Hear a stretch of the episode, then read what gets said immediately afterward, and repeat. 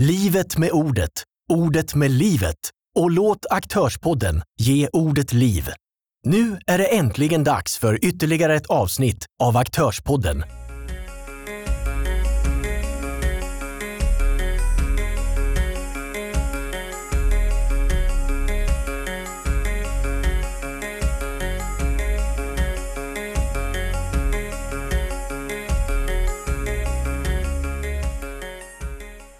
Femton av företagssnack, det är otroligt.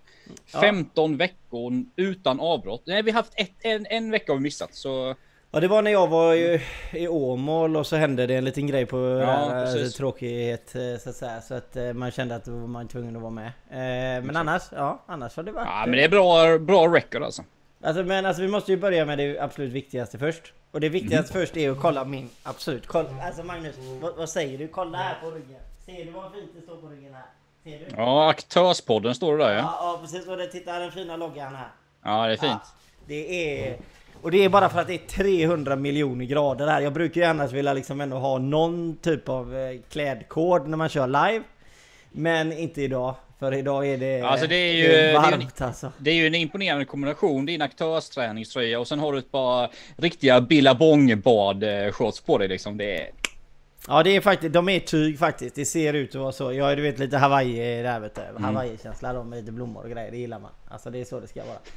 eh, man måste glida lite. Eh, Riktig och- göteborgare. Ja, som en riktig göteborgare. Men så, god, god gubbe helt enkelt. Ja, ja, absolut. Men vi börjar, eh, vi börjar med, ska vi börja med de lätta poängerna först? Och så, så som alltid för alla som är med och tittar liksom. Jag menar vi kör företagssnack och, och även om jag och Magnus älskar att köta så, så älskar vi och eh, få veta om det är ni, någonting ni vill köta om. Ett ämne kanske som ni vill ta upp. Dra till med chattmeddelande liksom. Så eh, ska vi se till att eh, svara så gott vi kan om man säger. Absolut. Men jag frågade Magnus i, i Moder Johan på Facebook så frågade jag om företagare eller människor då har känt en ekonomisk, eh, alltså att man har känt någon ekonomisk förlust, håller på så här, av, på det företag man jobbar eller sitt eget företag. Och jag tror att vi har haft 158 röster. Och, eh, och vi har 53% på ja och 47% på nej. Mm, Åh fan, okej. Intressant faktiskt. Att det är typ 50-50 nästan. Ja, vad, vad, vad, vad, är, är det så? Är det så otroligt branschorienterat att alltså liksom 50% alltså tycker att vi har inte blivit påverkade överhuvudtaget av, av Corona liksom? Nej men jag tror att det är ganska mycket så som har speglat sig i branscherna. Vissa branscher går skitbra som tåget liksom och vissa branscher går åt, riktigt åt helvete. Så det kanske är 50-50, kanske är, det kanske speglar ganska väl näringslivet hur det ser ut ungefär. Ja men okej, du, ja, men du tror ändå att det, det är... Alltså för jag tänker typ 50% som inte känner att de hade varit påverkade överhuvudtaget. Alltså det är ju sjukt hög siffra egentligen om man skulle se till den eh, lilla undersökningen vi gjorde. Ja, men jag tänker, jag tänker typ att... Alltså... Tänker man att omsättningen inte har gått ner på, på något sätt så, så måste... I min värld så måste siffran vara högre liksom. Ja, Man behöver inte kanske vara så att man har känt en stor ekonomisk förlust men på något sätt så måste det ändå ha blivit påverkat känner jag liksom. Jag, Men det beror ju på Alltså- lite också vad man har för position på bolaget man arbetar på. Liksom. Det kan ju vara så att eh, eh, det har gått jättebra innan och så går det lite sämre nu och det kanske inte märks bland till exempel de anställda. Det är liksom tuffa på lite som vanligt, även om kanske omsättningen kanske har gått ner en 20 20-30 procent, men bolaget har gått så pass bra innan så det kanske går hyfsat bra fortfarande. Liksom. Ja precis, jo men så kan det ju vara och det är jättebra. Men vad, vad säger vi om nu liksom, eh, för, för om vi vänder det nu eller? För jag menar om vi tar USA till exempel så eh, såg jag nya statistiker därifrån att de, eh, de är ju inte tillbaka till det de var innan men de har gjort ett ganska högt återtågande liksom med jobb och allting sånt där liksom. Så att det, de, de är gärna på väg tillbaka ganska starkt för jag säga. Tror, tror vi att Sverige kommer vara lika starkt, starka som USA liksom? Tillbaka? Hämta igen? Men alltså, det, det är så svårt att säga detta beroende på. Jag tror ju säkert att vi också återhämtar oss ganska mycket just under den här perioden just nu. Men det är ju som jag snackat om innan. Du vet, det är mycket doping på, på marknaderna nu från staterna. Man trycker in massa pengar i korttidspermitteringar och eh, omställningsstöd och sånt där. Och, så är det ju i Sverige och USA håller ju på att dra igenom en gigantisk stöd också. Man har ju redan delat ut ganska mycket pengar till enskilda privatpersoner också faktiskt. Det inte på samma sätt. Det har vi faktiskt inte haft i Sverige på det sättet, men man, man har ju faktiskt gett bort pengar till eh, enskilda personer i USA. Så de gör, med tanke på att inte de har så starka välfärdssystem som vi har i Sverige, så har ju de istället då fått trycka ut, trycka pengar och ge till, till människor helt enkelt. Så, eh, det är lite svårt att säga för att eh, återhämtning kan bero också ganska mycket på, som jag sa precis här, att det är dopade marknader. Så om det är på riktigt, eh, på riktigt så att säga, det är svårt att säga tycker jag. Ja precis, jo, det får vi se. Men eh, Sverige kommer ha det nog lite tuffare. Ska vi se, Tony säger hej på er Magnus, ett bra inlägg om Finlands imponerande strategi när det kommer till coronaviruset. Och mm. vill man läsa det inlägget, vi ska inte gå in, vi kan, vi, du kan ta det lite snabbt eftersom Tony tog upp det. Eh, Magnus?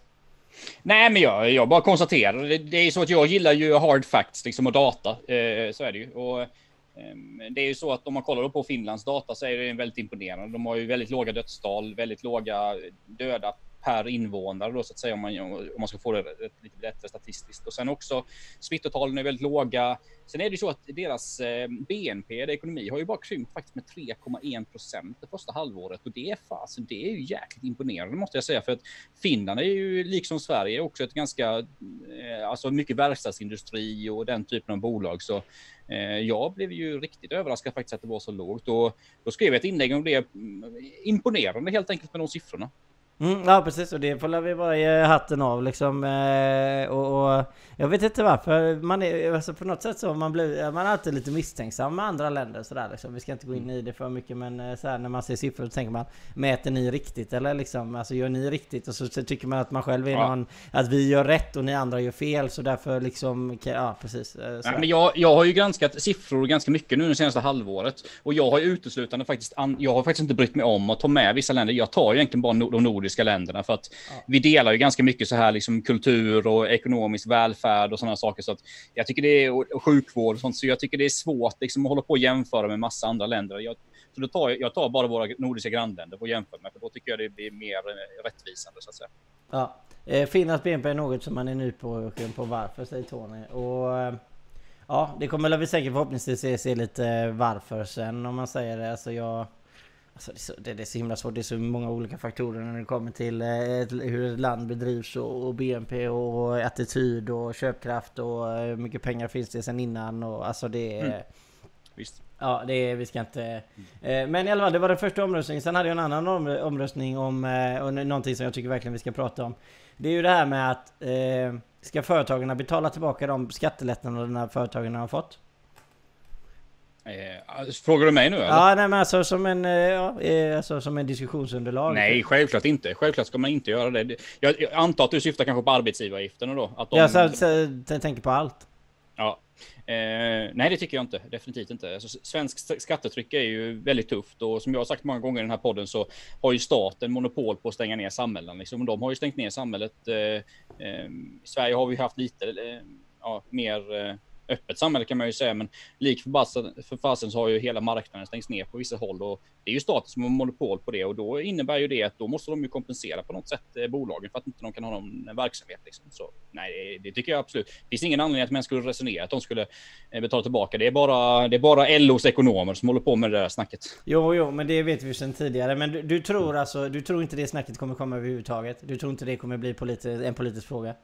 Det är mycket möjligt att detta kommer bli en politisk fråga och det kanske till och med kanske bli en liksom höger-vänster-fråga i svensk politik. Men, men eh, för mig är det liksom, det är no-brainer. Det är liksom, det är inget ens att diskutera. Det, så är det. Jo men alltså, jo, jag, kan, jag kan tycka detsamma med, för jag tror att vi hade ju det, det var lite kommentarer och lite så här och, och, då sa de ju att, och jag sa men, men eh, med bankkrisen. Mm. Jag menar med bankkrisen så blev det ju ändå så att, ja, Eh, staten fick gå in och, och rädda eh, bankerna liksom. Eh, och då sa de att man kan inte jämföra det med företagen sådär. På grund av lite olika anledningar och sånt där. Men jag tror att det kommer bli en absolut jättefråga. Och, jag, och, jag, och det går gärna in i det som vi pratade om typ i förra avsnittet. Det här med att omställningsstödet och att det inte är så himla många som söker det stödet överhuvudtaget. På grund av att man är så jäkla rädd för vad, vad Skatteverket ska göra. Och jag, mm. och jag menar det här är ju en... Alltså, jag, jag, tycker typ en sån här grej liksom ändå på något sätt. Alltså där behöver man ändå adressera ganska tidigt liksom. Jag tycker att när man gav de här pengarna att man skulle vara extremt tydlig mot företagarna när pengarna väl kom att det här är liksom det här är liksom, vi ger detta. Det är ingenting vi ska ta tillbaka liksom. Eh. Nej men alltså, och sen är det ju så att det är väldigt stor skillnad också om man jämför med, med bankkrisen på början på 90-talet. Det är ju ändå så att då höll bankerna på att gå, konkurs, gå i konkurs. Och då gick ju staten in och räddade bankerna, de tryckte in pengar, men då blev ju de delägare i bankerna, så de tog ju över bankerna. Eh, det var, hände ju med eh, vet du, nuvarande SCB då. Och då var det ju så efteråt att då sålde ju staten ut detta sen då och gjorde sig faktiskt en rejäl hacka. Men det är lite annorlunda fråga tycker jag, för att det innebär ju då att vi kan komma i situationer här nu närmaste halvåret att något, något samhällsnyttigt, för en bank är ju väldigt samhällsnyttigt, men är väldigt viktigt för ekonomin, att, att något bolag håller på att gå konkurs och då går staten in och räddar detta bolaget. Men det innebär ju då måste ju staten få en del av bolaget som aktier och sen får ju staten sälja det då, för staten ska ju inte, tycker inte jag, generellt ska äga bolag på längre sikt. Så jag tycker är, man får ju liksom, eh, man får passa sig lite vad man jämför liksom. Ja precis, men, men eh, för jag tänker så här att eh, Alltså man kan ju se det, det reformutrymmet för ett tag framöver kommer ju vara ganska ansträngt. Ja, ja, det reformutrymmet kommer nog Alltså, du, ja, vi kan ju säga det för de som inte vet vad reformutrymme betyder, men det betyder ju helt enkelt statens, vad de kan satsa på i framtiden helt enkelt, att det inte kommer att finnas några pengar till att satsa på vissa saker. Och, Eh, det är precis som du säger, det kommer nog, alltså om man ska ha en budget i balans som, som svenska staten nästan alltid har med sina, har sådana överskottsmål, att, att, staten måste alltid gå, att vi kan förenkla det och säga att staten måste alltid gå med vinst, så innebär ju det att eh, man måste snarare kanske dra ner på mycket utgifter i fram, kanske de närmaste tio åren eller så, att eh, för att kunna hantera läget liksom. Så vi kommer få ännu sämre vägar att åka eh, som företagare på? Eh, det, ja men det är väl inte... Alltså det, det är ju så här, en sån här kris, det är klart att det kommer ha stor påverkan en lång tid framöver. Alltså att allting kommer gå tillbaka som det var förr. Det, eh, det, om man tror det så tror jag att man tror fel. Eh, det kommer märkas under, jag tror, alltså inte bara kanske under tio år, vi kanske kommer se detta under väldigt många år framöver faktiskt. Jo men precis, men om tio år så kommer ju nästa kris. Ja, ja, absolut. Så är det ju definitivt. Eh, det är precis som du säger. Man brukar ju ha tio år mellan, eh, mellan kriserna ungefär historiskt. Så ja, men då får man hantera den krisen. Sverige är bra på att hantera kriser. Det har vi lärt oss eh, den hårda vägen från 90-talskrisen. Liksom. Så då får man hantera det. Så mm, det är självklart. Men jag tror ju jag tror ju definitivt att det kommer att det reformutrymmet då kommer vara väldigt begränsat de närmaste typ tio åren. Mm, ja precis, och det är ju lite som eh, vilket, alltså, det är som ett företag och alltså att man ska satsa på nya saker eller köpa in Ja, investera i nya saker och sådär. Ja. Liksom, ja. Precis, så att eh, nej det, det... Och jag menar det, det spelar ju ingen roll liksom, jag tror inte det spelar någon roll liksom om det blir en alliansregering eller en högerregering eller en sossregering. Det är liksom det tror jag liksom att alla mm, är väl förstådda med. För vi har ju en viss lagstiftning i Sverige med överskottsmål och att man måste gå med vinst och sådär. Så det, det kommer man inte runt liksom. Nej precis, nej, nej och det är någonting som vi verkligen kommer få se framöver alltså. Äh, om, om, äh, för jag tror att äh, det blir alltid så, man lovar väldigt mycket och sen helt plötsligt finns inga pengar till saker och ting. Det, det vet vi ju sen innan liksom. Men så är det Men vad, jag tänkte det här med jobba hemma. Vi, jag vet, vad det, vad det, vi har haft det här uppe, det här typ avsnitt tre eller fyra tror jag. Mm. Med Corona så här, att jobba hemma och mm. jag är ju en stark motståndare till att jobba hemma. jag tror du var lite mer liksom mittemellan.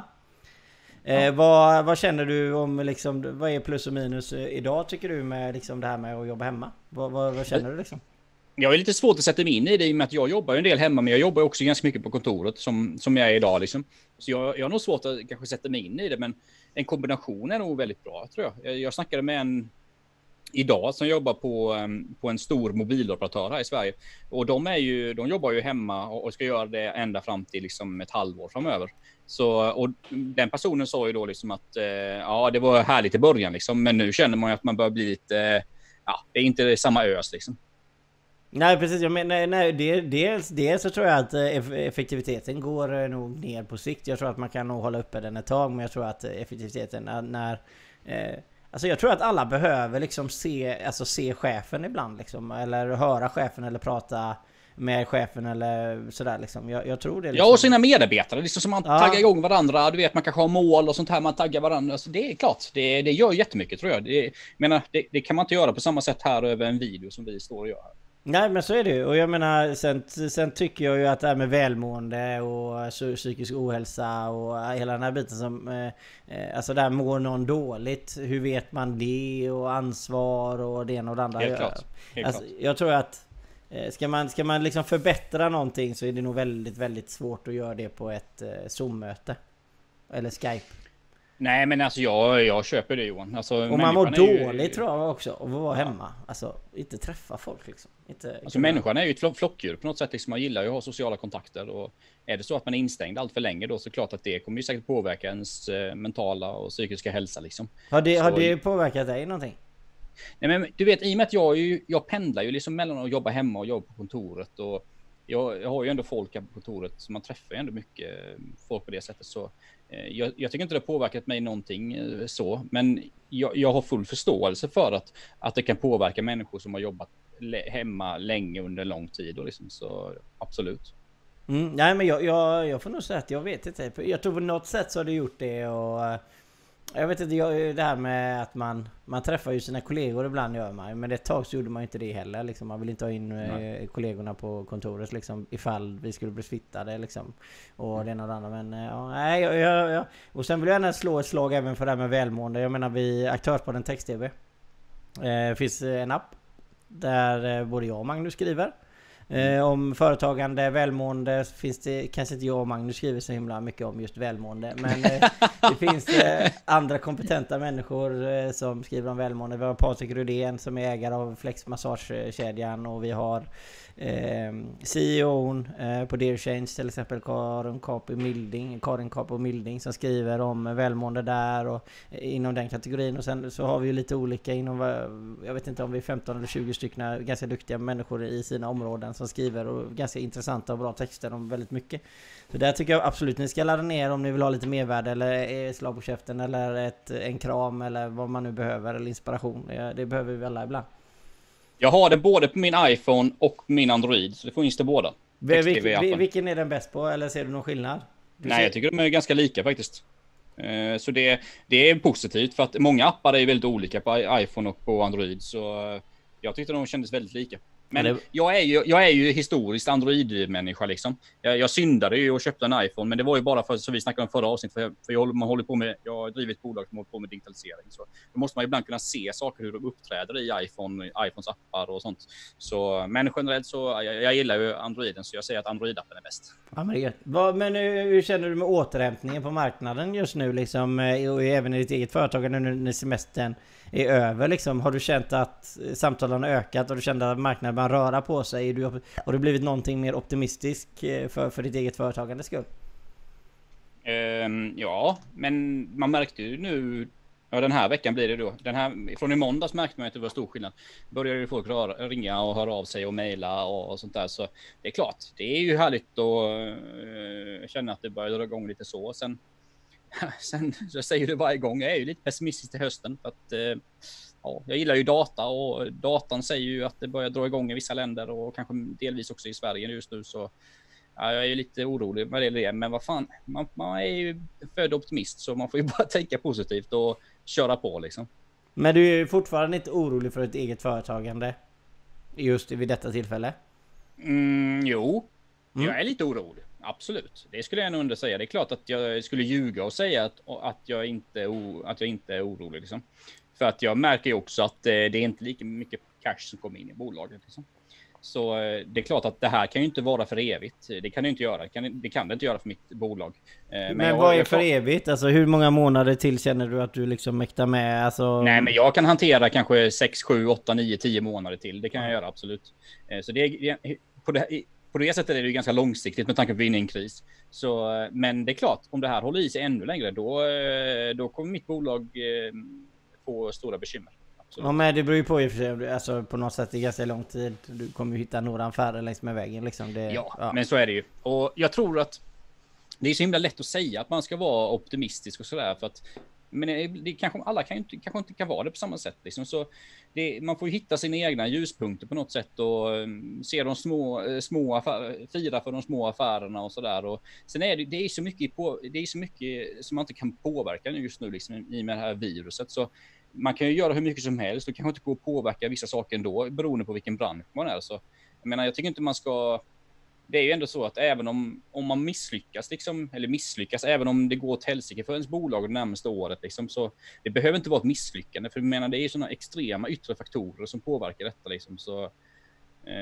det är många, man kommer träffa väldigt mycket folk inom näringslivet de närmaste ja, typ tio åren som kommer säga att jag kommer ihåg 2020 då konkade mitt bolag och sånt där. Liksom. Så det, det kommer bli ganska, man kommer ju prata om 2020 i många, många år framöver, speciellt eh, ja, men både in med anhöriga som kanske har varit sjuka och gått bort, men också inom, inom näringslivet. Liksom.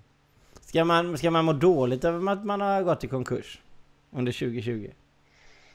Alltså, det är ju så att för mig personligen är ju alltid en konkurs ett misslyckande på något sätt. Eh, personligen liksom. Eh, så det är klart att även om det beror på, ja, men, säg att mitt bolag, säg att allting skulle gå åt helsike liksom och jag skulle gå i konkurs. Så det är klart att jag kommer ju se det personligen som ett misslyckande, även om jag förhoppningsvis kommer ändå kunna, kunna se att det berodde på eh, liksom externa faktorer liksom, eller utomstående faktorer. Liksom, så. Men eh, alltså, det beror nog på hur man är som person också. Liksom. Jag hade nog Alltså jag, jag tror att det har tagit ganska hårt med mig faktiskt. Eh, ja, men pengarna är ändå från samma plånbok. Det spelar liksom ingen roll egentligen när det inträffar eller tycker jag heller. Liksom. Nej, liksom. precis. Också, och, jag, och jag vet inte om det har så mycket liksom med pengar. För jag är inte sådär.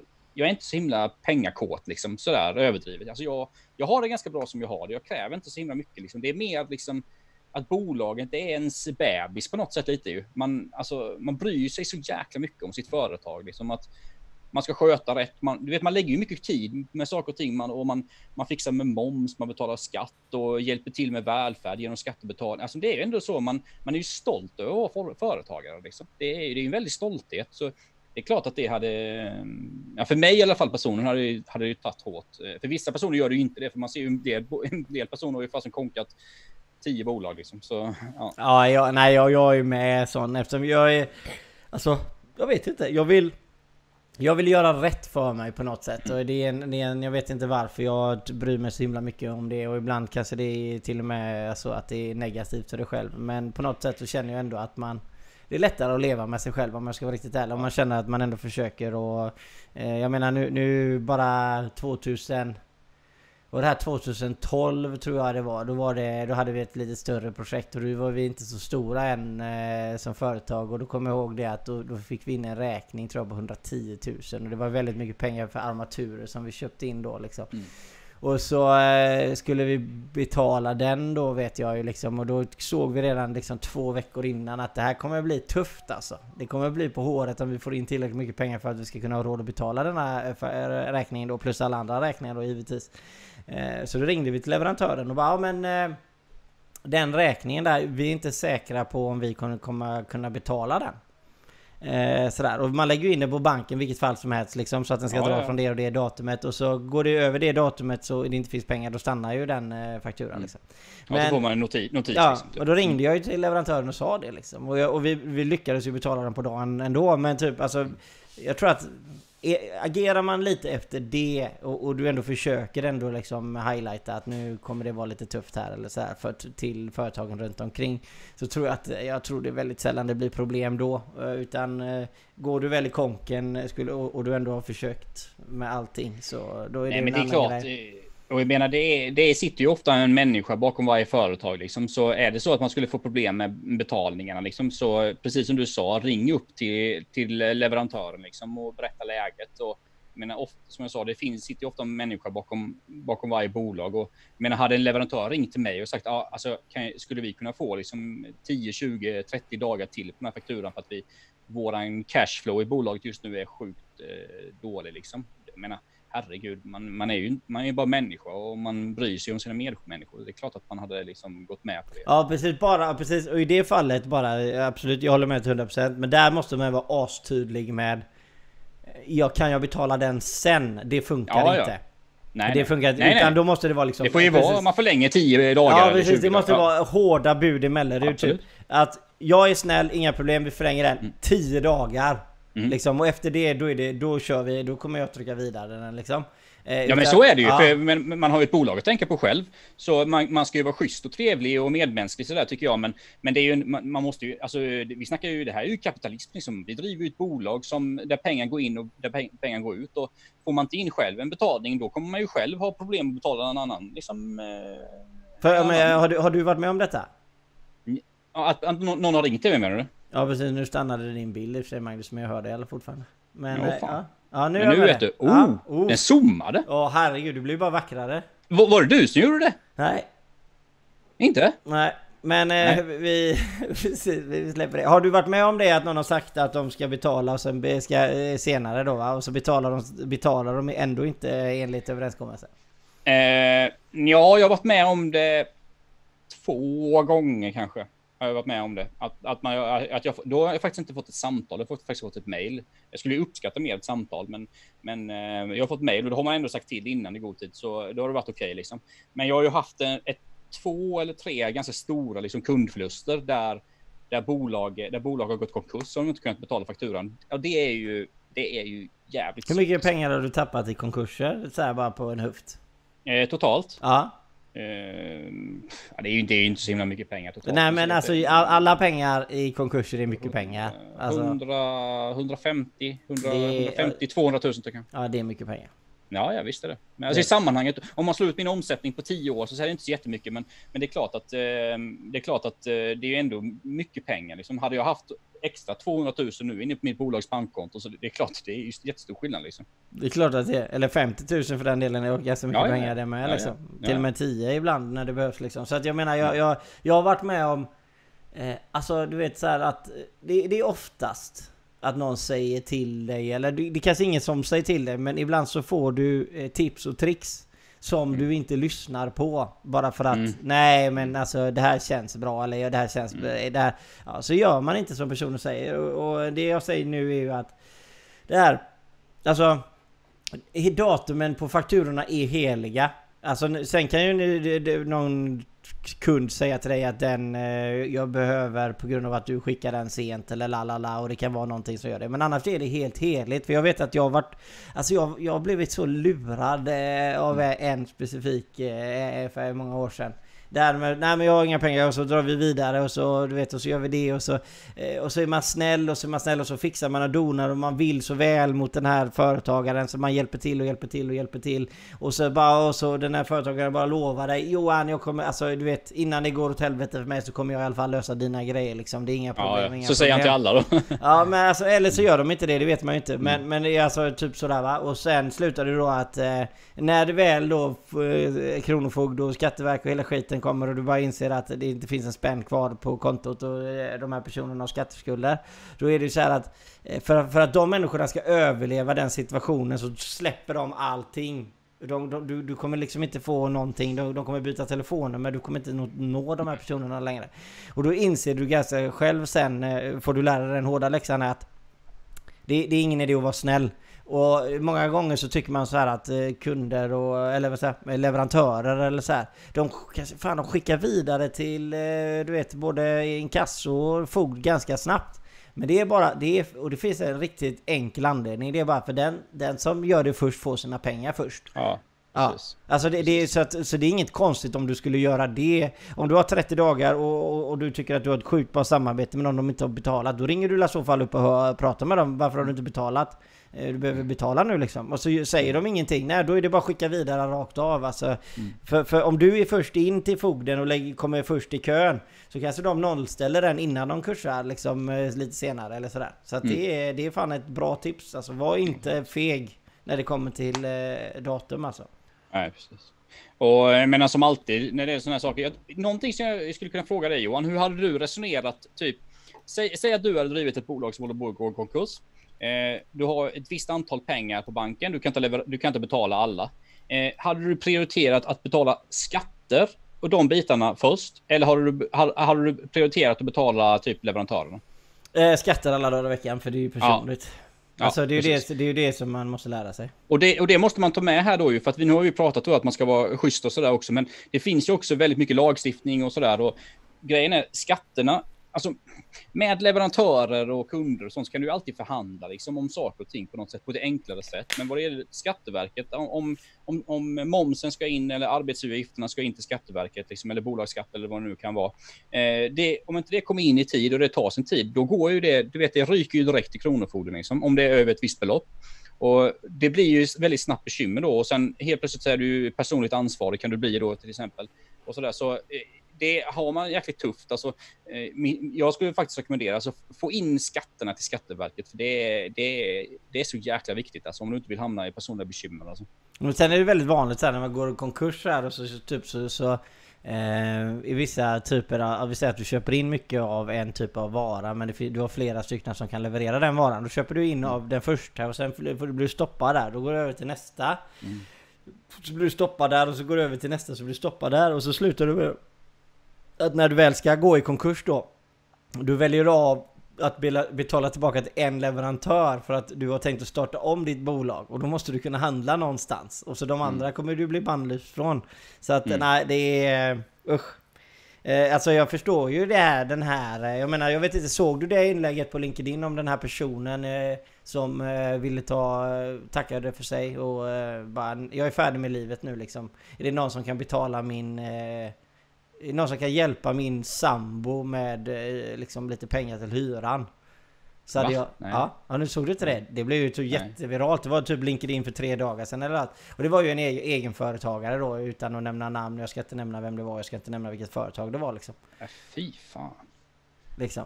Och, det, och LinkedIn är ju ändå ett väldigt, ändå, alltså det är ju inte den typen av samtalsämnen. Men det var någon som det hade gått riktigt för åt helvete nu då de senaste eh, månaderna. Ja, det... som, kanske, som dessutom antagligen satt då i ett enskild firma som har snackat innan då. Precis. Som inte, som inte har särskilt mycket stöd liksom. Precis. Eh, ja, alltså, alltså det här med enskilda firmor, detta är en...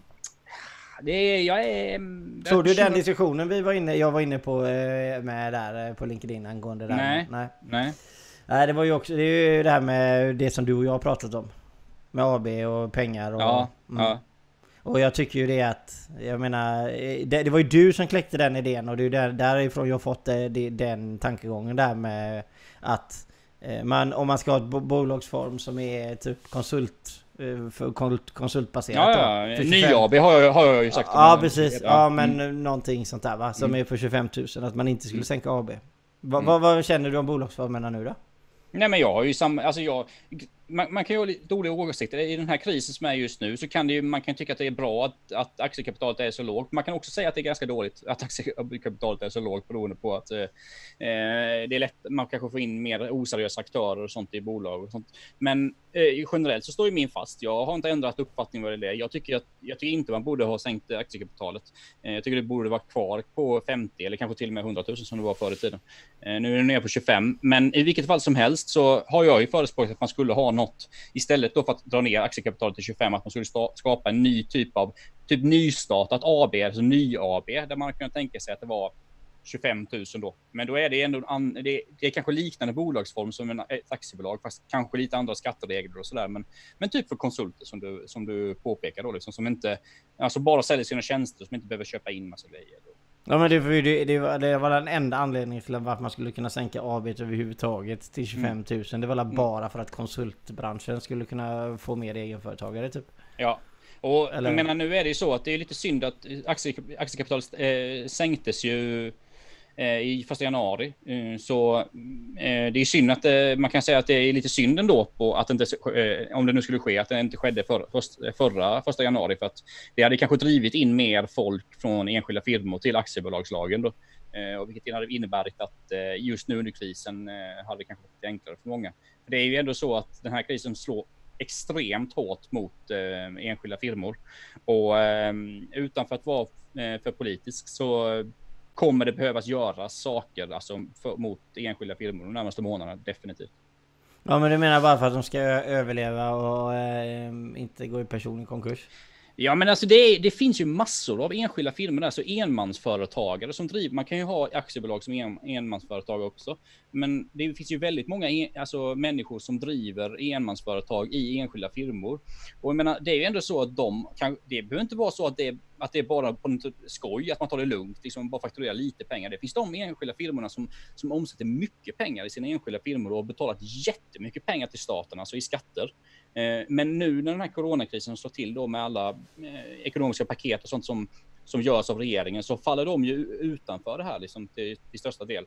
Så ehm, jag tror definitivt att det behövs tänka så här för att jag läste om en, en, ehm, en kvinna som eh, berättar om sin omsättning i sin enskilda firma de senaste åren och hur mycket skatter hon betalat in. Jävlar, det var mycket alltså. Så, och nu står hon liksom, ja, står hon där. Det, Jo men det är ju lite så här om jag har din rygg så har du min rygg. Och det är ju lite så man tycker med skattebetalningen också. Så länge ting, alltså nu, nu tycker man ju ganska många människor har ganska mycket åsikter om Alltså hur vi hanterar våra skattepengar. Och jag menar jag vet inte Jag tror att nästan varje avsnitt så slår vi ner på saker som vi tycker eh, Alltså skattepengar är, används fel till. Alltså, Man måste värdera upp skattekronan liksom. Och det har du och jag haft samtal om alla avsnitt tror jag va? Eh, att, ja. och, och jag menar, och, och som egen företagare då, man har haft EF i typ 20 år och betalat skatter hela tiden och så plötsligt så kommer mm. en sån här kris Så känner man liksom, vad, vad fan ska jag betala skatt för till staten? Eller varför ska jag... Varför ska ja men självklart, det, det, är jag... helt mänskligt alltså. Det är ja. helt mänsklig tanke. Att det blir på det sättet att man har då betalat kanske under 20 år sin enskilda firma mängder av skattepengar till, till staten och så kommer en sån här jättekris och så märker den här ägaren för den här enskilda firman då att av vissa bolag får jättemycket stöd, aktiebolagen och sånt. Det bara strös ut pengar på korttidspermitteringar och omställningsstöd och vad det nu kan vara. Medan jag står här och jag har betalat hur mycket skatt som helst de senaste 20 åren. Men eh, nu är det kört för mig liksom. Och eh, dessutom är ju enskilda firman kopplad till ditt eget personnummer också. ja, men det var därför jag sa personlig konkurs också. Mm. Precis. Ja, och då, går du, så, då, blir du av med, då blir du av med huset, du blir av med ja. villan, du blir utmätt och så kommer du... Mm. Eh, finns det inga hyresrätter eller någonting så du kommer ja. få bo i någon jävla husvagn för SOS ja. ju, kommer ju inte kunna ta hand om ditt ärende. Så att du, det, ja, det kan gå... Det kan gå du vet, riktigt illa. Jag vet inte, det känns inte som vi har ja. någon skyddsnäst eh, riktigt. Nej, utan du faller rakt men, igenom. Men, men, grejen är att det är ju det här som är det negativa med enskilda firmor. Alltså för att eh, det är ju ändå så att det är kopplat till dig personligen. Eh, du faller under helt annan lagstiftning vad det gäller, vi har aktiebolaglagen och sådär. Så det, det, här är ju en extremt stor grej att snacka om ändå, liksom för framtiden. Att det finns stora risker vid en kris att driva en enskild firma. Alltså. Och, ehm, det är klart, det har ju gått jättebra de senaste tio åren för många enskilda firmor, men det är klart att nu slår ju det superhårt då liksom. Så nej, jag, jag, tror ju att det kommer, och jag vill verkligen poängtera det, att jag tror verkligen att regeringen kommer behöva lägga fram någonting åt enskilda firmor, annars, eh, annars är det många, många personliga tragedier som vi står har framför oss. Och precis, som vi snackade ju lite förut om eh, psykisk ohälsa och sånt där vet du. Herregud. Alltså, och jag menar, jag, det, det, är lite det därför jag liksom, det är ju den liten röda tråden. Utan, det var inte egentligen att markera ut den här personen som mår dåligt. Jag hoppas ju att eh, personen återhämtar sig och inser att livet faktiskt har ganska många goda stunder kvar liksom. Även hur becksvart det än är. Så finns det liksom väldigt mycket att se fram emot liksom.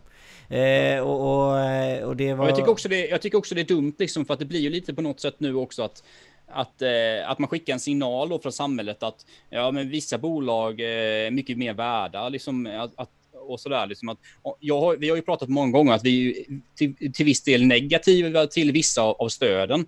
Men det betyder ju inte att vi kan vara liksom, vi kan kritisera det som är just nu, att vissa bolag får väldigt mycket hjälp och vissa bolag får ingen hjälp. Att om man ska ha den här typen av stöd, då måste man ju hitta ett sätt liksom, så det når ut till alla typer av bolag. Liksom. Man kan inte, det kan inte vara så att vissa får det och någon annan då som har drivit bolag i 20 år och betalat mängder av skatter bara står på ruinens brant helt plötsligt. Ja, men, och, och, och, problemet är ju inte bara det, även om den här personen eh, klarar sig så kommer den här personen vara otroligt fientlig efteråt. Ja, alltså man blir ja, förbannad. Ja, det är klart. Och jag menar... Och det, det, det, är ju sånt här som, det är det här som föder då, alltså, eh, alltså, alltså vad ska man säga, um, misstron mot staten. Jag menar, kollar man i Sydeuropa då, Grekland, Italien, Spanien, där är ju viljan att betala skatt mycket lägre än vad den är i Sverige. I, i Sverige har vi ju väldigt hög tilltro till staten, så att eh, även om vi kan kritisera skattepengar ibland, så den gemene svensken har ju ändå ganska stort förtroende för att skattebetalarnas pengar liksom inte eh, hamnar i korruption och sådana saker. Medan i Sydeuropa har man ju väldigt lågt förtroende för staten för att det är så mycket korruption och det slösas bort i en massa andra fickor och sånt där. Så, och då, då gör sådana här saker gör ju att den här viljan att betala skatt går ner och det är väldigt, väldigt, väldigt allvarligt alltså för, för, eh, för framtiden. Mm. Ska vi Tony säger nytt AB. Eh, vi hoppar tillbaka lite i frågan där. Jag missade Tony. Eh, eh ny AB. 25 000. Enskild, som, eh, blir som enskild film. Alltså tre, efter tre år går över till ett AB. Ja precis, eller, eller något sånt. Eller att du börjar med AB-reglerna och efter tre år går du över till ett riktigt AB och så precis. Men det kanske ja, jag, tyck, jag, jag tycker ju nog att eh, det skulle finnas, det skulle vara liknande lagstiftning som ett aktiebolag i det här nya ABet. Men man kanske skulle, vissa grejer skulle inte vara tillgängliga, typ eh, kanske vissa aktieutdelningar och eh, den typen av lagstiftningar. Det är väl ungefär så jag tänker. Alltså det är väl egentligen att man ska för tanken är ganska bra egentligen konsulter, att, att man har sitt eget bolag och man, man skapar sina egna arbeten och så. Så tanken är rätt bra på det sättet. Men jag tycker ändå det finns, eh, man, man, ska, inte, man ska inte komma upp hela vägen till eh, med skattelagstiftningsmässigt eh, de positiva fördelarna som finns med ett aktiebolag. Om vi ser lite längre fram här nu liksom, just det här med att starta företag. För jag menar, jag, jag såg några rapporter ändå att det öppnar ändå mer företag öppnas upp mer företag eh, än vad man trodde. Till och med mer än förra året tror jag. Jag vet inte, jag såg någon eh, nyhet om det. Jag vet inte om det stämmer. Jag har inte tittat. Eh, får man ta det med en nypa salt så att säga. Vad, mm. vad tror du om det? Tror du att vi kommer liksom efter det här kommer bli, vi ha mindre företag och kommer vi behöva öppna upp typ nyföretagarbidrag och sånt. Det finns ju. Ska vi öppna upp till det så svenskar också får ta del av det? Eller ska vi ha kvar det så att det är bara eh, invandrare som får fortsätta och ansöka om det? Eller ska vi öppna upp det så liksom alla kan få ta del av den kakan? Eller vad tycker du? Alltså bara du säger bidrag så blir jag ju negativ, det, det vet du ju. Ja, precis. Jag, jag gillar ju inte den. Jag gillar ju inte sådana saker överhuvudtaget. Alltså ny, eh, nyföretagarbidrag eller överhuvudtaget den typen av saker för att eh, marknaden, marknaden ska inte vara dopad av skattepengar. Ja, jag håller med dig. Ja, jag så med jag tycker ju inte det. Alltså rent spontant. Sen, sen kanske det finns någon variant som skulle, jag skulle kunna acceptera, men nej, eh, generellt. Jag gillar inte bidrag in i, i företagandet. Nej precis, för, för att det, det, är lite så att jag har, ehm, vi har lite e, e, en, en jag ska inte, en grävarfirma, eh, en kille då som jag tycker är kanon, jätteduktig liksom, jobbar på sin eh, satans han eh, startade ju eh, eh, grävfirma och så köpte han in en grävmaskin och sen jobbade han liksom i sex månader liksom. Och han och bara hamstrade pengar i bolaget för att han hade eget startarbidrag liksom. Så att han, du vet efter, du vet, efter ett år när han hade fått betalt av staten liksom sitt, så, så jag menar han kunde ju dumpa priserna precis hur mycket han ville för att han behövde egentligen bara få betalt för sin maskin liksom. Alltså jag menar... Där jag... har du ett, ett superexempel på när statens pengar dopar marknaden. Det är ett jättebra exempel Johan. Ja precis, och det är det, och då känner jag bara det att typ, tänk typ om eh, du hade haft en grävmaskin och hållit på i 10 år så kommer jag in och så har jag fått eh, starta eget bidrag liksom och så ska vi konkurrera mot varandra. Det är ju inte skoj alltså. Ja, men det är ju likadant med du vet alla sådana här hitta på jobb du vet som finns eh, i samhället där, där staten tar lönekostnader och sånt där liksom. Det är ju likadant, jag menar, om jag har ett bolag då så konkurrerar jag med ett annat bolag. Mitt, mitt bolag heter Thulin Digital, säg att jag konkurrerar med Johanssons Digital och mina anställda, de är liksom eh, anställda inom citat på riktigt, eh, arbetsgifter, jag betalar allting. Och så har du Johanssons digital då som, som, eh, som har en massa människor som är på sådana här hittepåanställningar då från staten, subventionerade anställningar från staten. Liksom. Det är klart att då blir det ju väldigt, då kan ju de offerera eh, till till marknaden som vi konkurrerar på mycket lägre priser än vad jag kan göra, för jag har ju en mycket högre kostnadsbild. Så i största möjliga mån, vad det än gäller, inga subventioner, eh, subventioner mot bolag. Alltså. Ja precis, och jag, för jag menar jag tror att de flesta, jag har ju blivit erbjuden subventionerade anställningar eh, mm. Där människor liksom, ja men du behöver bara betala 20 eller 30% av den här personens lön och så ska jag ta in den personen och då har jag sagt, alltså med handen på hjärtat så har jag sagt så här Ja, det handlar inte om att jag inte ska betala full lön. Jag betalar gärna full lön för en individ som jobbar för mig. Eh, men, men det måste ju vara rätt person liksom. Det spelar liksom ingen roll. Alltså jag, jag ska ändå lämna en kvalitet och man ska ändå lämna någonting. Det måste ju vara en person som passar oavsett. Alltså om, om du får eh, ja, ja. liksom... Det, det är ju det, man måste ju bära samhället och problemet är, tycker jag, att precis som du säger det att om jag skulle acceptera att ta in 10 människor som, är, som jag behöver betala två löner för. Alltså jag menar, alltså Alltså det, jag tycker inte, jag, jag vet inte, jag tycker inte det är okej. Okay. Alltså det var, Men då liksom... är det ju liksom- mycket bättre, då är det mycket bättre om Svenskt Näringsliv och LO då i parterna kommer överens om nya typer av anställningsformer som är för alla på marknaden. Till exempel vad det kan vara en anställningsform där det är liksom eh, lagstiftas om lägre ingångslöner. Till exempel, då gäller det liksom hela, hela marknaden. Det, det, måste ju, det kan inte vara så här att vissa, för vissa bolag och sånt är väldigt duktiga på att liksom ta, ta vara på sådana här saker. Man tar in väldigt mycket arbetskraft som man, som man får betalt för från staten. Och jag menar, jag behöver inte klanka ner på dem, för de gör ju någonting som, som staten erbjuder. Liksom. Det är, jag menar, en del är ju smarta och så tar de den chansen, för att de gör ju inte fel lagstiftningsmässigt. Moralen kan man tänka på, det är en lite annorlunda sak, men lagstiftningsmässigt gör de inte fel. Så det är bättre att inte hålla på med massa sådana där grejer och låta marknaden sköta sitt. Liksom. Ja precis, ja men en öppen marknad och precis alla som får, vill vara en del av marknaden får vara en del av marknaden och det är bara att hitta sin infallsvinkel liksom. Ja. Eh, och, och, jag tror det är med och jag tror att det är, det är någonting som är, alltså man det kanske inte är så man tycker det är så himla roligt att prata om och sådana här bitar. Men det, det är viktiga saker liksom. Och jag säger precis, det finns alltid fall där man kan använda det där det kanske är bra och sådana här grejer. Men jag, jag tror att det. Mm, det ser vad Tony säger. Tony staten dopar fler branscher i mångfald. Vi som är äldre eh, ska betala eh, nya firmor med skattepengar och ja, precis. Jajamän, det, det, så är det Och det är därav, det är precis, det ska inte finnas massa konstiga... Jag tycker det är riktiga siffror bara, du vet. Inte massa sådana här, jag vet inte vad fas 3 innebar nu, men alltså riktiga anställningar liksom. Alltså, men grejen är, alltså, grejen är, och det är ju så här att det behöver inte ens vara politiskt för att... Men det är inte politiskt, det är allmän bonnas förnuft. Ja, och grejen är så här att alla politiker har hållit på med detta, även om det är moderata eller, eller liberaler eller sossar eller vad det nu kan vara. Alla har hållit på, hållit på med olika typer av subventionerade anställningsformer. Sen har vissa, och man gjort det på olika sätt. Men det är ju, det är på något sätt det här, det, det är någonting som vi ska komma bort från. Och det är ju, det är ju ett, ett, då ett, ett, ett, ett, um, en rekommendation till alla politiker, vilken färg man än tillhör. Skippa massa sådana här åtgärder och, och lös istället för riktig lagstiftning som gäller för hela marknaden. Jo men precis, jo men det här med lägre löner och sånt. Alltså, jag vet inte liksom, jag är ju så här. Alltså jag hade helst inte velat skapa en sån anställningsform egentligen. För jag vet inte, du vet, jag kan ju förstå liksom att det behövs att få ut folk i jobb liksom. Det, det fattar jag ju med liksom och sådana här bitar liksom. Men jag vet inte, det känns liksom... Det känns inte svenskt traditionsmässigt att vi gör så på något sätt. Jag vet inte, det, det, jag vet inte om det är någonting som man har varit med i svensk marknad så himla länge liksom. Och vad är en lägre lön? Jag menar liksom... Eh, vissa branscher är ju ganska lågbetalda som de är liksom. Alltså jag menar typ, man kan ju inte... Eh, ska man ha 11 000 menar du då i lön liksom som så här låg? Alltså vad, vad är gränserna liksom? Nej, jag tror det finns vissa, vissa partier har ju lagt fram där. Då ska ju minimum ligga på en 14-15 000 brutto då. Eh, och det innebär ju då att eh, säg att man är en familj där båda kan arbeta så kan man ha 15 000 brutto. Det innebär med lite jobbskatteavdrag då kanske en 11 000 efter skatt. 11, eh, 11 000 gånger 2, 22 000 på en familj. Bor man i en mindre stad, ja, det funkar väl. Så får man jobba sig uppåt liksom.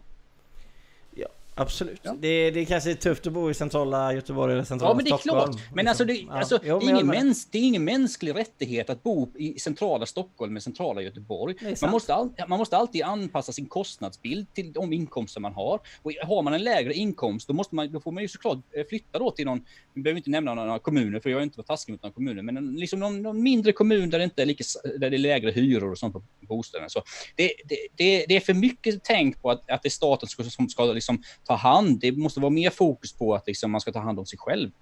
Mm. Om jag ska vara lite sån. Nej, nej, men alltså vadå? Dela inte bara det. Och det håller med. Jag menar det, det, det är ju samma tänk som vi har pratat om tidigare med när det kommer till företagen. Liksom det här även med bidrag och det ena och det andra. Alltså, eh, även om man är tacksam för kanske att företagen överlever kanske med korttidspermitteringar och inte får lika mycket konkurser.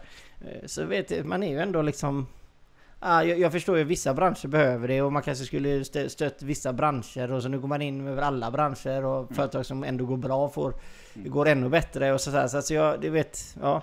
Alltså jag har ju varit, jag har ju varit första början att man ska ta alla branscher. Det har, ju, det har jag ju snackat om innan liksom. För att jag, jag tror inte att staten är inte tillräckligt kompetent på att bedöma vilka branscher och, och då sen går det lite tid och sen har, sen har ministrarna semester och så blir det någon annan bransch och sånt där det är bättre bara... Det, ja, men då är det, det bättre att göra ja. som vi, det vi pratade om med arbetsgivaravgiften. Du skulle tagit bort den helt och sen hade du inte behövt göra någonting annat. Ja, var... visst, absolut, så kan man ju säga. Vi, jag har ju försvarat den lite beroende på att det är pensionerna som är, man inte tagit bort då. Ja, men 10 procent, sista 10, 11 var det, 10, mm, ja, ja, precis. ja, 11 procent. Ja. Och det, jag, jag har faktiskt respekt för att man gör så, för att pensionen, jag tycker inte det är statens uppgift att, att eh, betala människors framtid. Nej, men det håller jag med om. Men okej, okay, men 10, 10, 10 procent då? då? Absolut. Ja. Jag menar hur mycket har vi sänkt arbetsgivaravgiften med nu? Ja nu är den ju sänkt med 20 procent nästan ju. Ja, den, är ju från, den är ju från eh, drygt... Är det 30, 32 drygt, till 20 eller? Är det 10 procent? Ja, är det 32, 41 eller vad fan är det? Något sånt va? Ja, något sånt. 32, 41 tror jag där procent. Ja, ja. Eh, ja. ja men precis. Ja. ja. och då har man sänkt det ner till 11 snåret då liksom. Så det är ju, det är ju en massiv, massiv sänkning alltså. Ja precis, det är, det är typ 500 miljarder drar vi in per år ungefär. Eller 455 mm. eller vad är det? Ja. ja det är enorma pengar vi pratar om. Ja det är gigantiska pengar alltså. Och sen, alltså jag är ju, alltså jag vill ju ha låga skatter men liksom. Jag förstår ju också att det är ju ändå så att alltså en budget, i statsbudget måste gå i balans. Så är det så att man ska dra ner, eh, dra ner arbetsavgifterna, då, då, då, kommer inte det kunna ske på detta sättet. Att man drar ner dem från 32 procent ner till 11 procent bara på ett bräde från 31 december till 1 januari. Det är helt omöjligt för att du har ju så mycket andra utgifter som du, som du måste växla på också. Men, men jag tycker definitivt att man ska ha, man ska ha ambitionen att, att lätta på arbetsavgifterna eh, ganska mycket, alltså kanske ner mot en eh, 20-25 procent i alla fall till att börja med. Eh, Tony säger inga bidrag, sänkt företagsskatt, momsen är redan skev eh, på olika branscher. Eh, ger företagen bättre möjligheter till tillväxt. Seriösa bolag låter behålla kapitalet. Ja men absolut eh, Tony. Men alltså jag vet inte, jag, du vet när det kommer till det här, jag vet inte, alla, jag vet inte alla håller på så här, men säkert väldigt många har ju sett den filmen när jag gick igenom företagsekonomi liksom och visade ganska tydligt att vad är det som kostar pengar? Det är lönerna liksom. Alltså det, alltså det är det som är det största problemet alltså i min värld när jag typ pratar med folk så här, liksom. Det är ju alltså de här förbannade procenterna varenda år som du vet som bara hela tiden blir mer och mer och mer pengar. Att vi trycker upp lönerna så förbannat högt. Så att allting blir så dyrt bara för att lönerna blir så förbannat höga. Är det mm. inte... Alltså jag tänker 25% eh, liksom av eh, 1000 kronor. Sen, alltså nu blir det ett som... Jag, jag, förstår ju alla som säger att vi ska sänka skatterna. Jag, jag kan ju tycka det med ibland. För att 25% av ett belopp som är mycket högre blir ju väldigt, väldigt mycket mer pengar. Eh, och på det sättet att man skulle balansera skatterna lite. Men jag, jag mm. ser mer att vi måste kanske diskutera med allmän bredd, alltså löneutvecklingen liksom. Vad är en mm. sund löneutveckling liksom? Inte för att Åh, nu ska vi gå ut i strejk och de är dumma i huvudet och den är dum i huvudet. Utan alltså rent allvarligt talat liksom. Hur mycket pengar mer behöver du i månaden för att överleva? Troligtvis inte en spänn. Så jag menar varför behöver vi hela tiden diskutera höjda löner liksom? Jag... Mm. Jag vet inte. Nej, vad... men det är ju, det är ju den här eviga liksom, diskussionen då vad det gäller mellan eh, fackförbund och eh, svenskt näringsliv, liksom där Svenskt Näringsliv representerar arbetsgivarna och LO då kanske eh, arbetstagarna. Och då blir det ju, ehm, då blir det ju hela tiden den här diskussionen då att eh, LO då ser att bolagen går jättebra, gör mycket utdelningar, gör mycket vinster. Då kommer de kräva att eh, lönerna ska gå upp så ar eh, de arbetarna ska få mer betalt liksom. Eh, och samtidigt då som arbet, eh, när, Svenskt Näringsliv då som representerar arbetsgivarna, då vill ju hålla nere lönekostnaderna. Och då blir det ju en förhandling hela tiden och då, ja, då kollar man på hur tillväxten har varit för bolag och sånt och då blir det en liten höjning av av, eh, av, av lönerna också liksom, i, till följd av det. Då. Jo precis, och så blir bara företagen mer och mer ostabila liksom för att eh, så helt plötsligt kommer det ett dåligt år eh, liksom, då helt plötsligt då blir det enorma kostnader på de här lönerna som gått upp liksom. Så att jag... Ja, men det är precis som du säger, jag menar då de senaste tio åren har ju, har ju ekonomin gått så jävla bra i, världen liksom. Och svenska löner har ju gått upp jättemycket, speciellt i vissa yrken har gått upp supermycket liksom. Kolla på så, hantverksbranschen. Ja, ja för fan, det är helt otroligt. Du alltså. känner ju nästan brytningsgränsen då liksom. Ja, ja, jag vet. Det är otroligt alltså. Och, och det är klart att nu kommer det ju sämre tider. Så eh, nu switchar makten, så att säga. Ja, precis. Och det är någonting som jag inte gillar, liksom. Just den. Alltså direkt när det är mycket jobb och det är högkonjunktur, då är det arbetstagarens marknad. Så vänder man på det så är det arbetsgivarens marknad.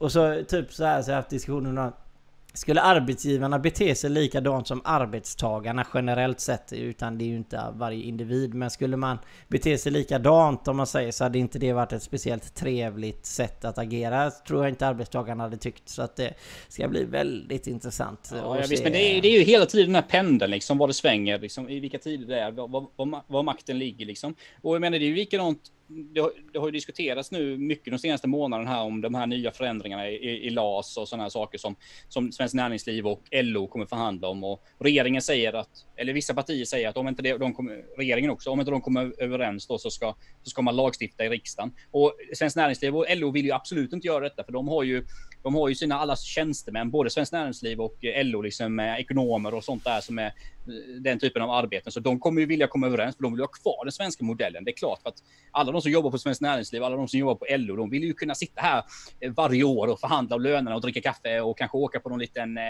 champagnefrukost och sånt där liksom. Så det är... Då går ut ett pressmeddelande bara facket är dumma i huvudet och mm. de, eh, LO är dumma, de är näringslivet är dumma i huvudet och så ska man ut i DN och skriva en eh, debattartikel liksom. Ja, ja, det är bättre, återigen, det gäller sådana här saker också. Det är bättre att man låter marknaden sköta det. Alltså jag är med det. Och jag tycker det är bättre att man kan ha högt i tak och man kan eh, prata eh, och att det är sunda arbetsgivare och sunda eh, kollegor. Som jag tror att de flesta företagen i Sverige har idag. Ja men det är ju, alltså, Sverige är dominerat av små och medelstora bolag och jag menar det är ägare som sitter ofta i operativt i de här bolagen och jag menar det, de flesta, det finns klart att det finns rötägg överallt liksom.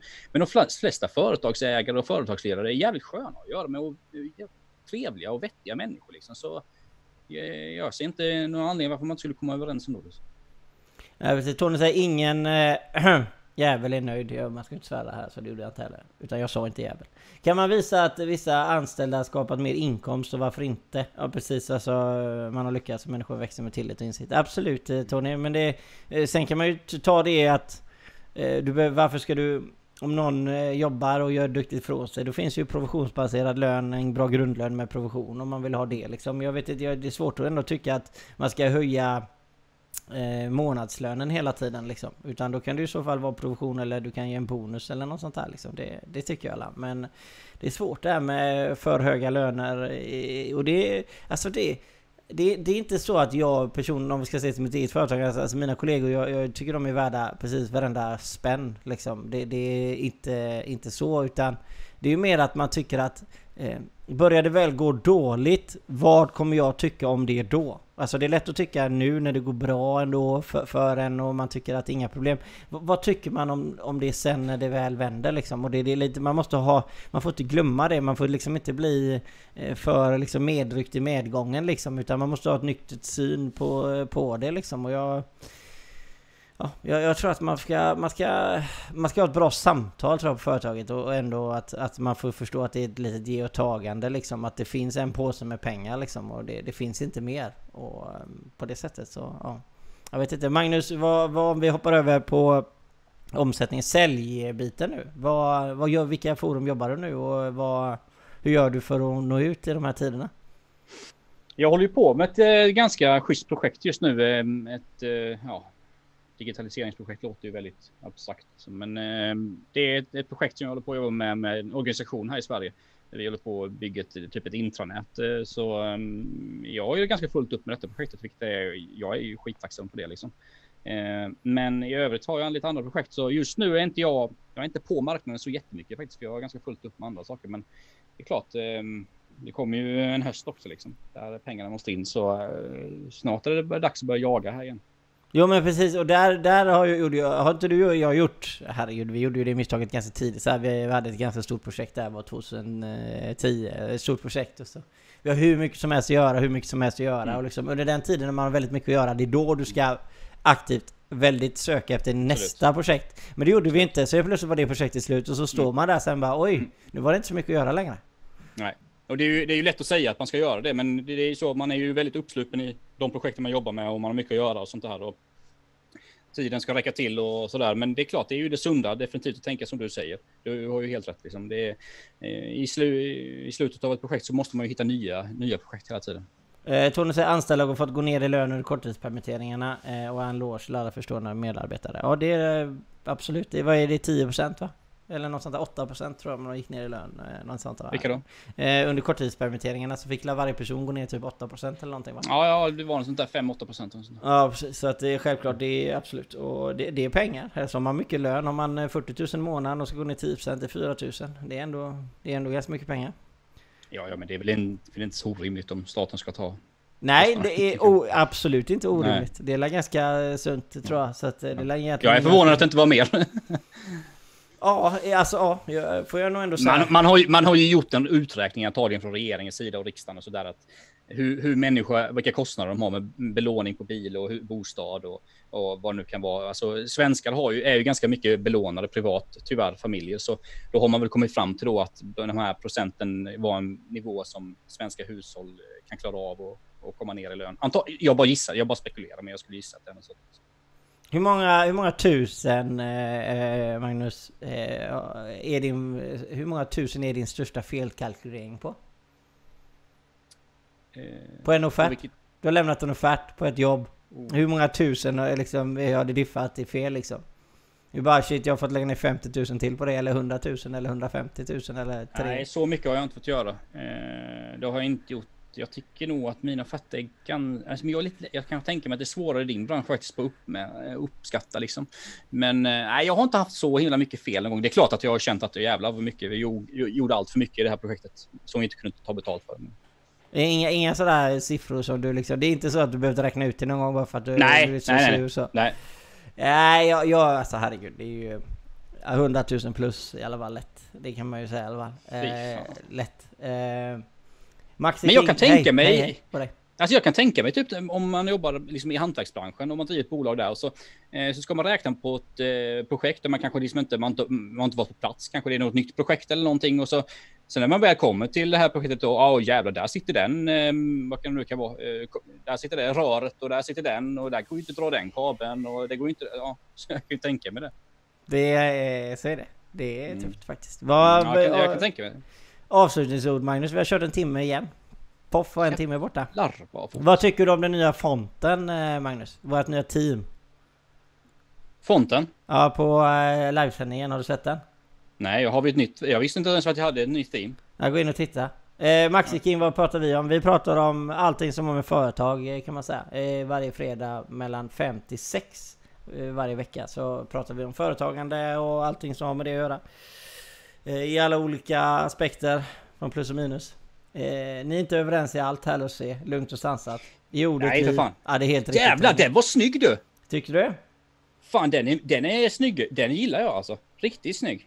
Jag ty vad tyckte du längst upp i hörnet där? Säg vad du tycker eh, min, alltså ogillar. Ja där är, där, ja, du ska, vill skapa lite engagemang där ja. Ja ja, ja, ja, ja, ja, man ska inte, man får ju, man, alltså ibland måste man uppdatera sig själva. Jag tror att den, jag gillar den här mer än förra faktiskt. Eh, alltså det, det är ett sånt diplomat, det, diplomatiskt så har Magnus som man säger. Nej, alltså jag tycker, jag tycker den här är mer clean på något sätt. Den känns... Eh, eh, den ser bättre, alltså det, jag vet inte, det känns mycket mer clean. Vi har likadana, lika stora skärmar och sånt nu. Jag vet inte, det känns bara bättre. Kan du eh, hälsa att Magnus är bäst? Och du... Eh, Magnus, du är bäst. Magnus från Maxi King. Maxi King? Jajamän. Max, Max är king. Max är king. Undrar vilken Max det är. Ja, ja. men det är roligt. Det är, det ja, men eh, tack, tack för att jag är en king. Mm. Johan, du kan väl vara en queen då? Ja, jag är queen. Ja, men det är jag. Mm. För jag kom mm. tvåa om man säger. Nej då, men eh, skämt åsido. Eh, tack så hemskt mycket för alla som har lyssnat och... Eh, Tony, nu har jag inte sett dig skriva det, men eh, Magnus, du vet vad du med realskeppet eh, Vasa? Mm. Absolut, ja. definitivt. Jag, stod ja. jag, jag förstod inte den första gången men nu fattar jag. Ja, han är mm. fantastisk Tony. Alltid roligt att ha med dig Tony och alla andra som har varit med under sändningen. Det är alltid roligt att ha med er och som sagt, var gärna med och diskutera och köta och det är alltid trevligt. Så säger vi Smäll in en helghälsning till er i vanlig undran. Nu rundar vi av, nu, nu, rundar vi alla vrak utan Vasa. Ja det är helt riktigt Tony. Eh, Maxi King vill inte att vi ska avsluta nu, men eh, Max du får vara med nästa gång klockan fem på fredag. Då kör vi. Ha det gött Magnus! Och, ha det fint! Ha det bra! Hej! Hej.